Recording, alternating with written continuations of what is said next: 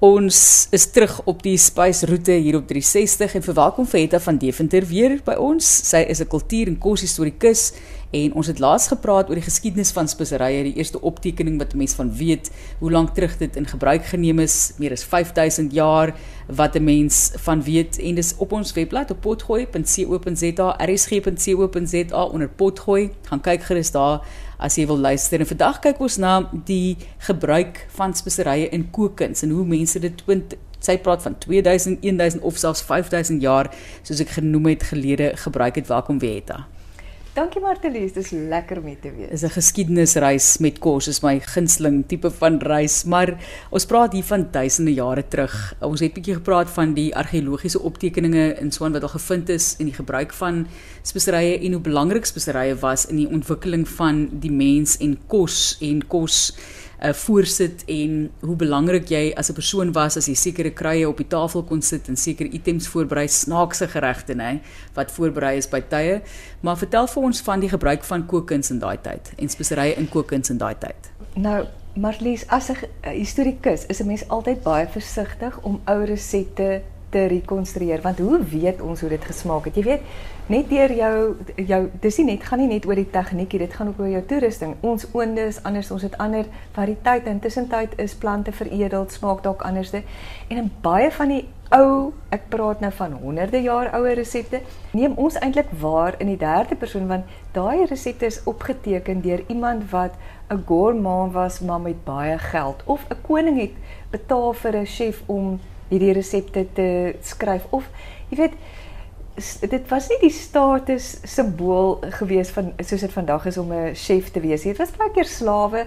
Dis nie dat hulle ongelet of onopgelei was. Hulle het baie keer so vakleerlingskap ondergaan. So as as ons het, as ons sê hoe het dit geproe dan dan is dit ook maar hoe ons dink dit het geproe, né? En dalk ons hoop dit geproe. Ja, nee, ja, ja, ja, ja. Maar wat ek jou wel kan sê is smaak was baie skerper en baie anderste geweest.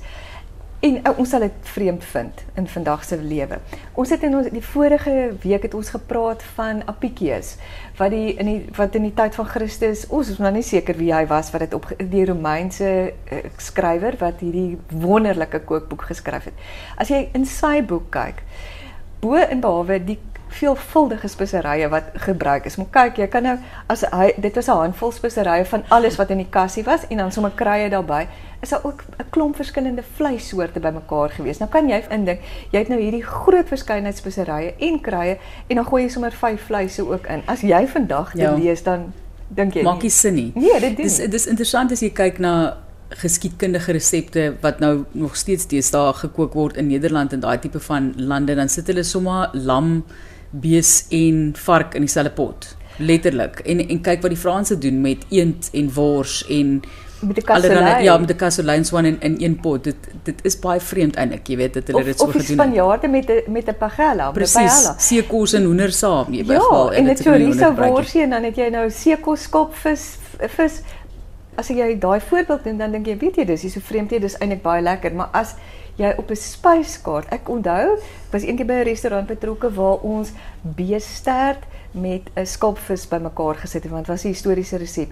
En iemand het agterna vir my opgemerk dat hy geëet het by die restaurant was 'n baie vreemde konsep. En ek verstaan dit, dit is iets waarom rondom jou kop moet kry, maar as jy dit proe en dit is iets soos 'n paella wat bekend is aan jou, dan is dit nie vreemd nie. Maar was dit toe nou lekker die beestert? Dit was heerlik. Okay. So een van dit is so, so ons dwaal 'n bietjie af. So 'n bietjie surf so, and turf, maar ja. Ja, maar weet jy wat was die ander ding ook met hierdie historiese resepte? Dit was nie so gestandaardiseer soos vandag nie. So waar jy nou byvoorbeeld jou pampoenkoekies vandag en jy weet dan met kaneelsuiker opkom. Tannie sou nie langs aan dit sommer komyn gebruik. Sy het nie noodwendig jy weet elke vrou het haar eie resep en eie weergawe gehad wat speserye ook betref. Ek gaan nou komyn sit op pampoenkoekies want ek wil of jy dit smaak. Dit kom ons nou net lekker wees. Ja, maar weet jy so byvoorbeeld mosbolletjies waaroor ek en jou al gesels het. Ek het in 'n uh, ou resepte manuskrip mosbolletjies met koriandersaad gekry. So jy weet. Heerlik. Nou ek begin nou te dink aan resepte. Ek moet ophou, maar selfs iets soos kardemom kan lekker wees. O, ja. Maar okay, beweeg aan. Ek is dis ek wat van die punt af is. Nee, kardemom is my nee, maar ons moet oor kardemom praat want dit is een van my gunsteling speserye en heeltemal onderskat. Maar weet jy wat se ander ding ook met speserye is dat ons baie minder gebruik. En as ons nou wel eendag tyd het om oor kaneel te praat, dan wil ek vir jou 'n tabel bring en dan wil ek vir jou wys hoe in in hierdie resepteboek wat ek nou nagevors het, hoe kaneel se gebruik verminder het van omtrent 1 tot 1 na bitter baie minder. So dit was baie skerper smake gewees in die ou resepteboeke. Dis een van die dinge. Ons ons ons dink ons hou van 'n ou rusietjie wat brand en so. Ons het nie 'n idee nie. en dan, weet jy wat? Dit is nogal snaaks. Die alledaagse is 'n uh, uh, spesery waar ons nou um, dalk dink sout en peper, want ek dink sout en peper is seker, wat dink jy? Wat is ons alledaagse spesery? Nee, ek dink daai is, is 100% korrek. Ek wou nou amper gesê het iets wat geel is, maar ons gaan nou nie dit nie, soos 'n grappie. Nee, sout en peper. Ja. Definitief sout en peper. Ek weet natuurlik glad nie waarvan jy praat nie. Maar jy weet, ons ons as daai daai uh, pizza of die pasta na die rest uh, tafel toe kom, dan kom die peperpot mos sommer agterna en nou en wie weet ek eintlik vir die heel eerste keer op 'n baie jong ouderdom ek het vir Jamie Oliver gekyk. Sjoe. Mm, o ja. En dis dis sê hy, moenie sommer net so onmiddellik peper oor als gooi nie. Jy weet maar ons ons ons dink nie eintlik eers daaroor nie, maar iets wat interessant was is dat kaneel, naaltjies, gemmer en neutmuskaat is 'n baie algemene kombinasie in ons Suid-Afrikaanse ou resepte. So jy kan amper sê dat dit meer die sout en peper was van ja, natuurlik as jy dit kom bekostig, né? Dan sout was nie noodwendig gebruik nie of sout was nie noodwendig genoem nie en hulle kon ook iets anders te gebruik as sout. Jy weet, daar was gefermenteerde vissous byvoorbeeld geweest wat die Romeine gebruik het. So daar's heeltemal ander metodes geweest. Mens het nou nogal gedink dat die vissous meer in die Asiëse rigting beweeg want dit is hoe ek vissous ken. Ja. Uh, ja. Ek het nog nooit ge gehoor daarvan Daarom. dat die Romeine vissous gebruik nie ja. en dit is hulle vorm van sout. Soja sout. is natuurlik 'n ja. ander voorbeeld, maar dis baie interessant in plaas van gewone sout.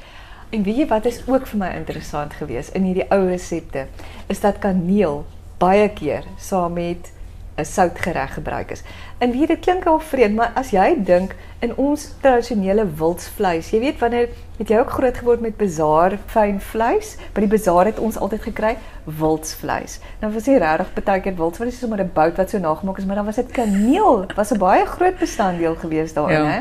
Of ehm um, byvoorbeeld saam met die kaneel, dis wat ek wou eintlik sê is daar was 'n bietjie soetigheid gebruik, maar nie noodwendig altyd in die vorm van suiker. Kyk, daai wils, daai kamma wilsvleis wat ek altyd by die bazaar op reis gekry het, was nou 'n bietjie 'n suiker by gewees, 'n stukkie 'n bietjie asyn. So dit was so soetsuur kombinasie, maar byvoorbeeld sou hulle in 'n ou resep 'n appel, 'n gestoofde appel of gestoofde peer gebruik vir die soetigheid om by hierdie kaneel te gebruik. En daai kombinasie van soet met kaneel in 'n soutgereg ja. is baie gewild geweest. Ek wil altyd hê mense moet bietjie teruggaan na die gebruik van iets soos 'n vrug om iets soet te maak. Ehm um, jy weet, ek dink net op die ou en dit gee ook meer geur net as gewone suiker. Jy moet nou om op 'n ander manier kook natuurlik, maar ek dink altyd dit is 'n heerlike manier om geur by te voeg by 'n gereg en die soetigheid te verleen. Absoluut. En kyk, ek kan nou glad nie mediese raad gee nie. Ek hou van ongesonde kos, maar dit is ook meer gesond want dit ja, daar's mos nou ja. baie voordele, vesel en allerlei dinge. Ja.